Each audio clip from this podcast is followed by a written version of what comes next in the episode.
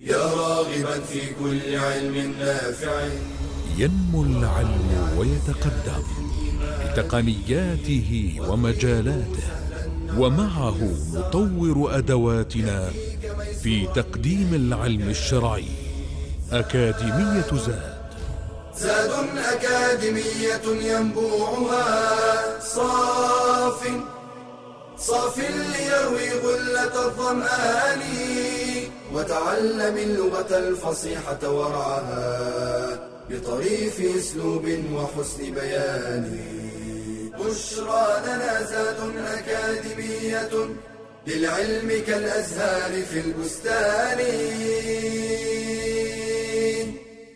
السلام عليكم ورحمة الله وبركاته.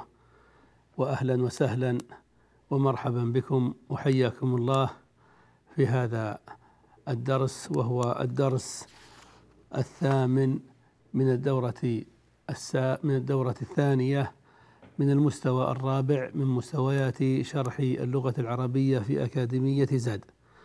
فحياكم الله وبياكم. وفي هذا الدرس بإذن الله تعالى سنكمل الكلام على باب التوكيد. وعرفنا أن المراد بالتوكيد هنا هو التوكيد النحوي. وعرفنا في الدرس الماضي أن التوكيد النحوي على نوعين. الأول التوكيد اللفظي وشرحناه. والنوع الثاني هو التوكيد المعنوي وسنشرحه بإذن الله تعالى في هذا الدرس. التوكيد المعنوي هو توكيد معنى الاسم بألفاظ معينة وهي ثمانية ألفاظ تتبعها النحويون. فهناك ثمانية أسماء يستعملها العرب في التوكيد المعنوي وهي النفس والعين وكلا وكلتا وكل وجميع وأجمع وعامة. فهذه ثمانية أسماء.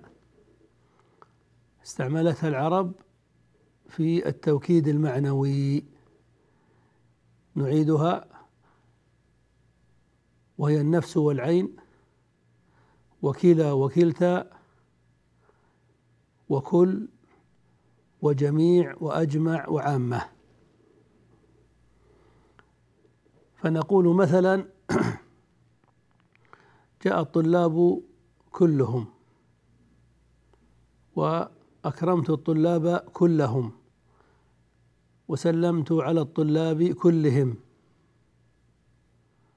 فنجد أن لفظ كل قد تبع المؤكد وهو الطلاب رفعا ونصبا وجرا.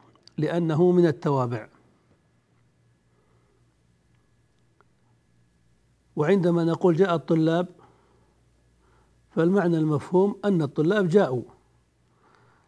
لكننا أكدنا هذا المعنى فقلنا كلهم لدفع إرادة البعض. لأن العرب قد تستعمل الجمع وهي لا تريد الجمع حقيقة وإنما تريد الأكثر أو الأغلب.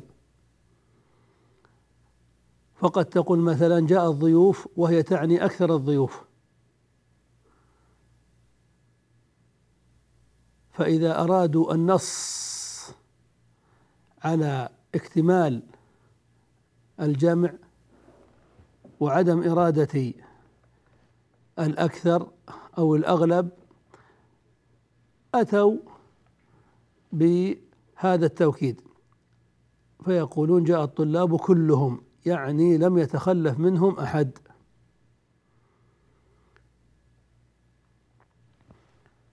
ونقول جاء الأمير نفسه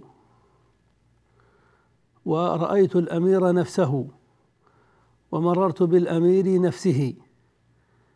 فنجد أن كلمة النفس قد تبعت الأمير رفعا ونصبا وجرا لأنها من ألفاظ التوكيد المعنوي. والمراد بها هنا التوكيد لدفع اللبس يعني لدفع إرادة الحقيقة بل لدفع إرادة غير الحقيقة. لدفع إرادة غير الحقيقة للدلالة على أن المراد الحقيقة يعني أن العربي قد يقول جاء الأمير وهو لا يريد الأمير حقيقة وإنما يريد أمره مثلا أو رسوله أو تحذيره أو نحو ذلك. فإذا قال الأمير نفسه دفع هذه المجازات ونص على أن مراده الأمير نفسه. لا شيء من هذه المجازات. وتقول مثلا أخبرت زيدا عينه. بهذا الخبر. أخبرت زيدا عينه. لأن العربي إذا قال أخبرت زيدا فقد يريد أنه أخبر رجلا لكي يوصل هذا الخبر إلى زيد. المهم أنه أوصل هذا الخبر إلى زيد. فإذا قال أخبرت زيدا عينه فمعنى ذلك أن خبره أوصله بنفسه إلى زيد عينه. فدفع المجازات التي قد تستخدم في هذه العبارة دون استعمال كلمة عينه. فهذه من المعاني التي تدل عليها ألفاظ التوكيد. ونقول نجح الطالبان كلاهما وأكرمت الطالبين كليهما وسلمت على الطالبين كليهما. وهكذا. ومن ذلك قوله تعالى فسجد الملائكة كلهم أجمعون. فسجد فعل ماض مبني على الفتح لا محل له من إعراب الملائكة فاعل مرفوع علامة رفع الضمة.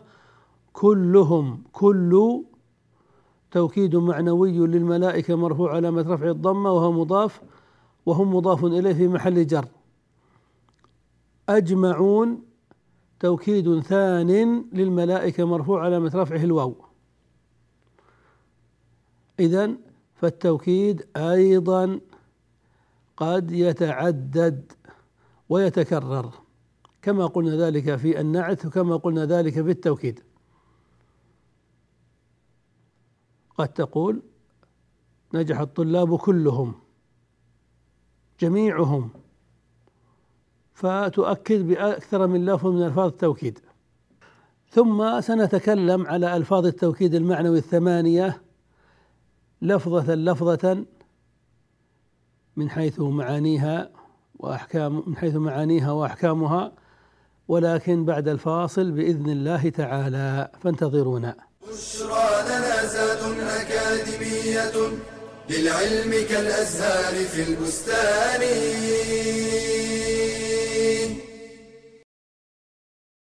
من رضي بالله ربا حقت عليه طاعته وعبادته. قال تعالى رب السماوات والأرض وما بينهما فاعبده واصطبر لعبادته.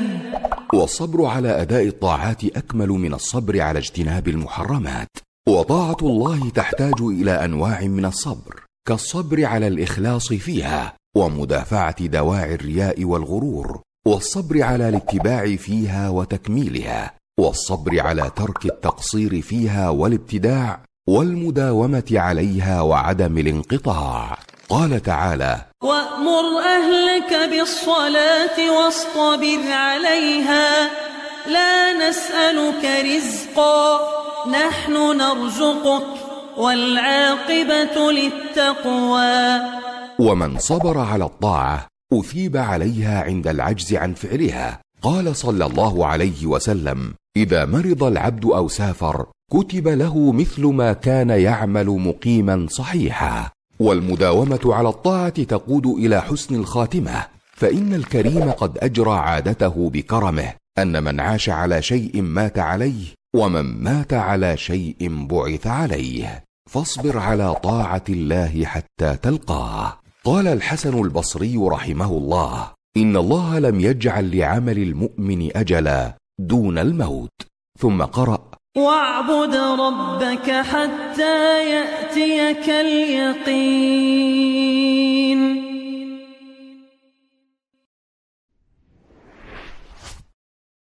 بشرى لنا زاد أكاديمية للعلم كالأزهار في البستان. بسم الله الرحمن الرحيم. قلنا إن التوكيد المعنوي يكون بثمانية ألفاظ. نتكلم عليها الآن لفظا لفظا. فاللفظ الأول واللفظ الثاني هما النفس والعين. النفس والعين قد يستعملان للتوكيد المعنوي. ويؤكد بهما حينئذ المفرد والمثنى والجامع. بشرط أن يتصل به ضمير يطابق المؤكد يطابقه. يعني مفرد مفرد مثنى مثنى جمع جمع مذكر مذكر مثنى مؤنث مؤنث وهكذا. فتقول جاء محمد نفسه وجاءت هند نفسها وجاء المحمدان أنفسهما وجاء المحمدون أنفسهم وجاءت الهندات أنفسهن وهكذا. فأكدنا به المفرد والمثنى والجمع بشرط أن يتصل به ضمير يطابق المؤكد.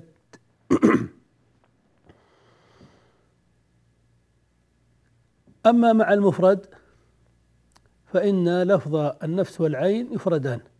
جاء محمد نفسه وجاءت هند عينها.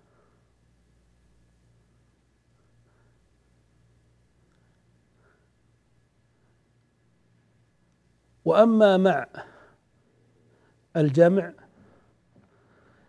فإن النفس والعين يجمعان على أفعل فقط فيقال أنفس. فنقول جاء الطلاب أنفسهم وجاءت الطالبات أنفسهن. وقولنا يجمعان على أفعل فقط يعني لا يجمعان على فعول نفوس. لأن التي تجمع على فعول في نفس ونفوس وعين وعيون هذه كلمة أخرى ليست الكلمة المستعملة في التوكيد وإنما العين التي في الرأس والنفس التي في الجسم الروح. فالنفس بمعنى الروح والعين التي في الرأس هذا معنيان آخران وليس هما المرادين بالنفس والعين في التوكيد. أما النفس والعين في التوكيد فيراد بهما مجرد التوكيد والتقوية. إذا مع الجمع يجمعان على أفعل جاء الطلاب أنفسهم وجاءت الطالبات أنفسهن. وأما مع المثنى ف الأفضل وهو الأكثر في الاستعمال أن يجمع النفس والعين على أفعل أيضا. فيقال جاء الطالبان أنفسهما فالنفس جمعت على أنفس ثم أضيفت إلى ضمير المثنى. الطالبان أنفسهما وجاءت الطالبتان أنفسهما. هذا هو الأكثر والأفضل في اللغة.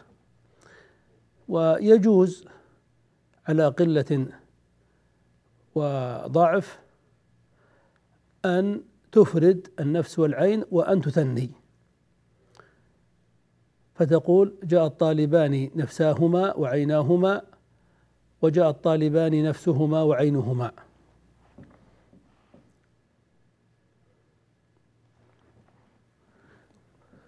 ويجوز أن تجمع بين التوكيد بالعين والتوكيد بالنفس إذا أردت تقوية التوكيد. ليس مجرد التوكيد وإنما تقوي التوكيد. فتقول جاء محمد نفسه عينه. فنفسه توكيد أول وعينه توكيد ثان.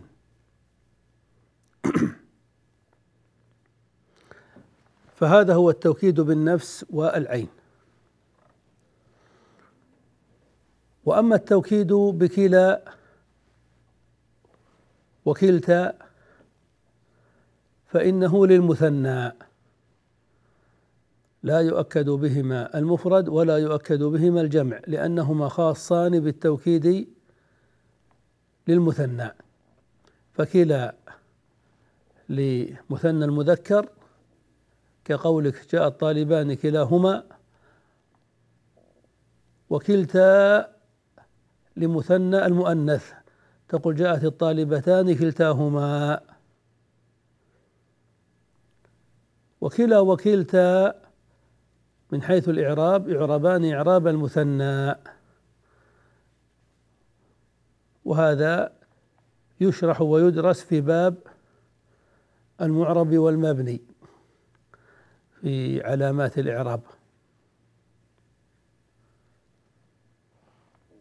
ويقال إن كلا وكلتا ملحقان بالمثنى يعني ليس بمثنى حقيقة ولكنهما من حيث الإعراب يعاملا معاملات المثنى فيرفعان بالألف وينصبان ويجران بالياء. فتقول في الرفع نجح الطالبان كلاهما والطالبتان كلتاهما. وفي النصب أكرمت الطالبين كليهما وأكرمت الطالبتين كلتيهما. وفي الجر سلمت على الطالبين كليهما وعلى الطالبتين كلتيهما. فنرفع بالألف وننصب ونجر بالياء.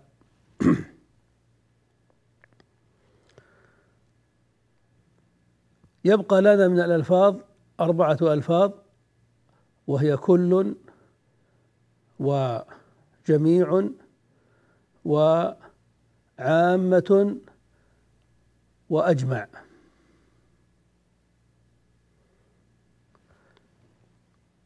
وهذه الأربعة لا يؤكد بها إلا ما كان دالا على جمع.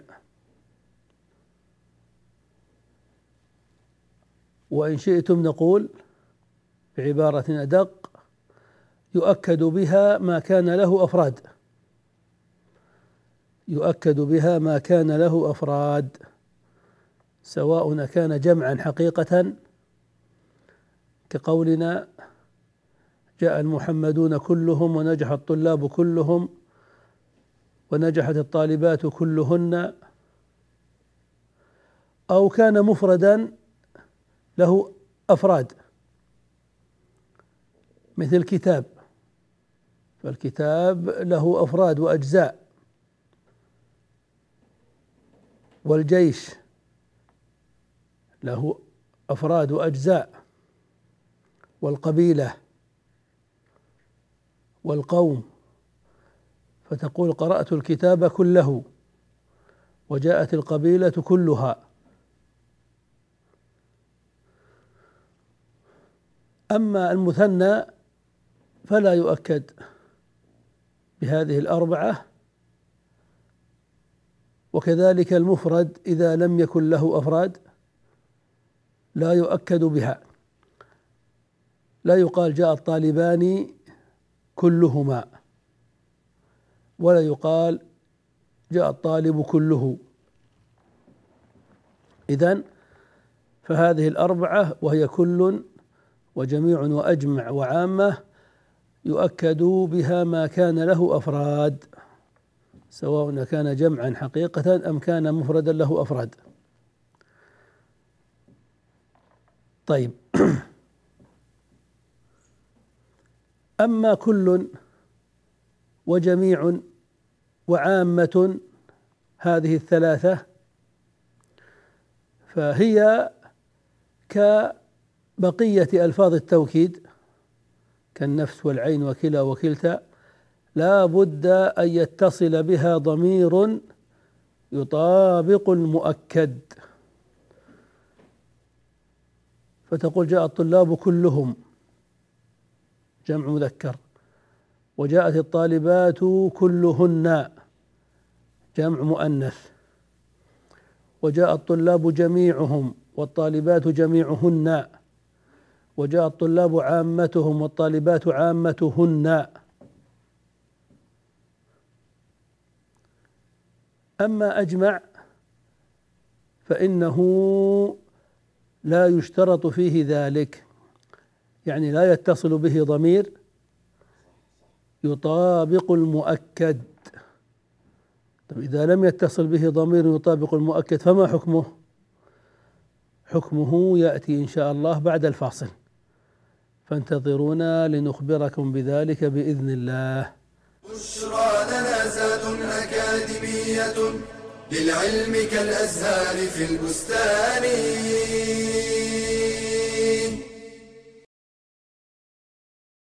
الملائكة خلق من عباد الله خلقهم عز وجل من نور وأوجدهم لعبادته وطاعته فبحمده يسبحون ولأوامره مطيعون. لا يعصون الله ما أمرهم ويفعلون ما يؤمرون. وهم خلق كثير لا يعلم عددهم إلا الله تعالى والإيمان بالملائكة أصل من أصول الاعتقاد لا يتم الإيمان إلا به وهو يتضمن أربعة أمور هي الإقرار الجازم بوجودهم وأنهم خلق من خلق الله مسخرون.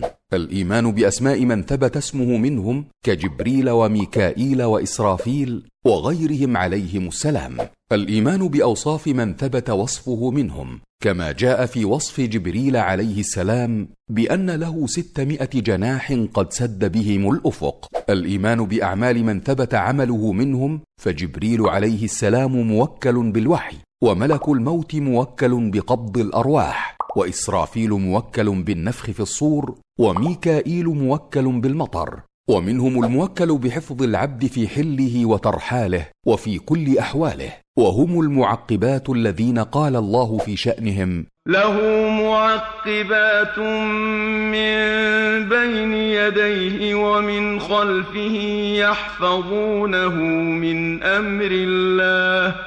ومن الملائكة حملة العرش ومنهم زوار البيت المعمور. قال النبي صلى الله عليه وسلم فرفع للبيت المعمور. فسألت جبريل فقال هذا البيت المعمور يصلي فيه كل يوم سبعون ألف ملك إذا خرجوا لم يعودوا إليه آخر ما عليهم. ومن الملائكة الكرام الكاتبون وهم الموكلون بحفظ عمل العبد وكتابته من خير أو شر. فاحرص على سلامة إيمانك بالملائكة من كل شائبة. ومن عاد أحدا من ملائكة الله فقد صار عدوا لله. قال تعالى من كان عدوا لله وملائكته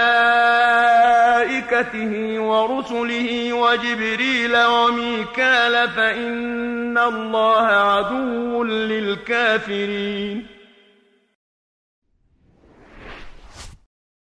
بشرى لنا زاد أكاديمية للعلم كالأزهار في البستان.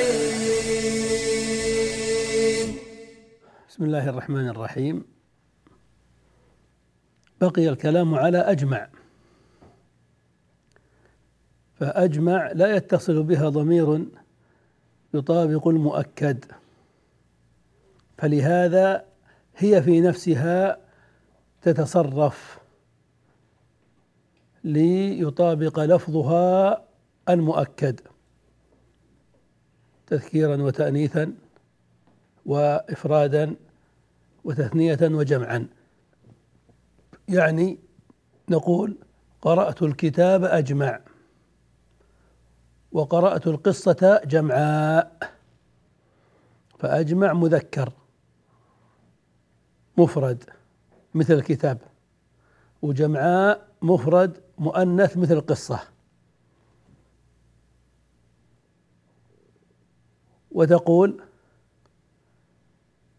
جاء الطلاب أجمعون وجاءت الطالبات جمع فأجمعون جمعناها بالواو والنون جمع مذكر سالما فقلنا أجمعون كما نقول أفضل وأفضلون. وفي جمع المؤنث قلنا جاءت الطالبات جمع. كما نقول في فضل فضل وفي أخرى أخر. فنجمعها على فعل. وفي المثنى نقول جاء الطالبان أجمعان آسف. وفي المثنى لا نؤكده بأجمع مطلقا. لأننا قلنا إن هذه الألفاظ الأربعة وهي كل وجميع وعامة وأجمع يؤكد بها الجمع حقيقة أو المفرد الذي له أو المفرد الذي له أجزاء. فلهذا يمكن أن نفرد فنقول أجمع وجمعا مذكرا ومؤنثا أو نجمع فنقول أجمعون وجمع مذكرا ومؤنثا. فنعامل أجمع كما نعامل أحمر. فنقول أحمر وفي المؤنث حمراء أنثناها. وكذلك في أجمع جمعناها أجمعون فنلحقه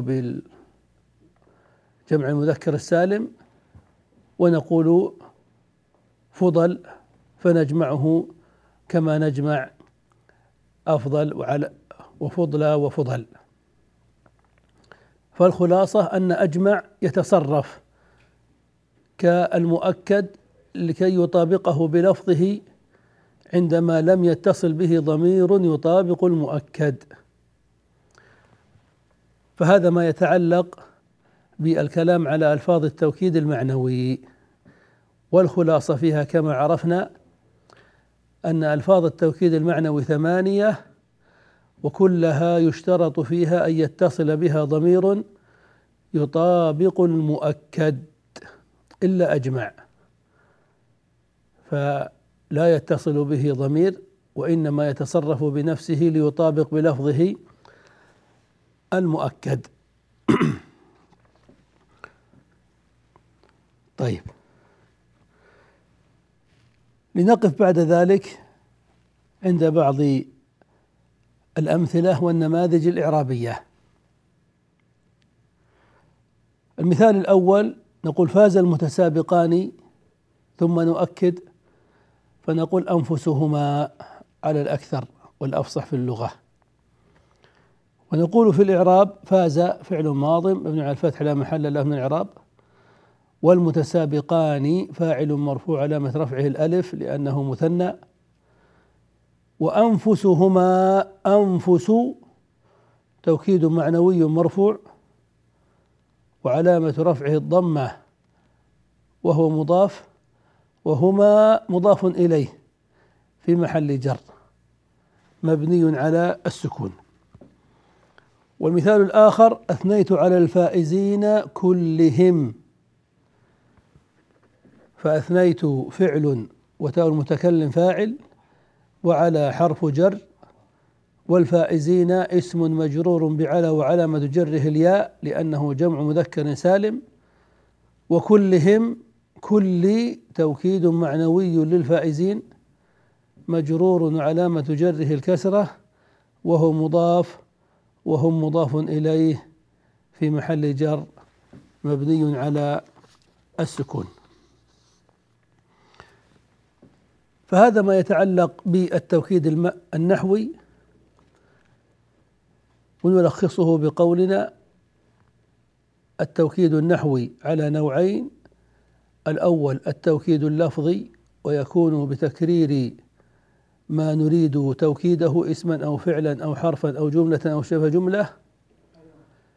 والنوع الثاني التوكيد المعنوي ويكون بثمانية ألفاظ. وهي النفس والعين.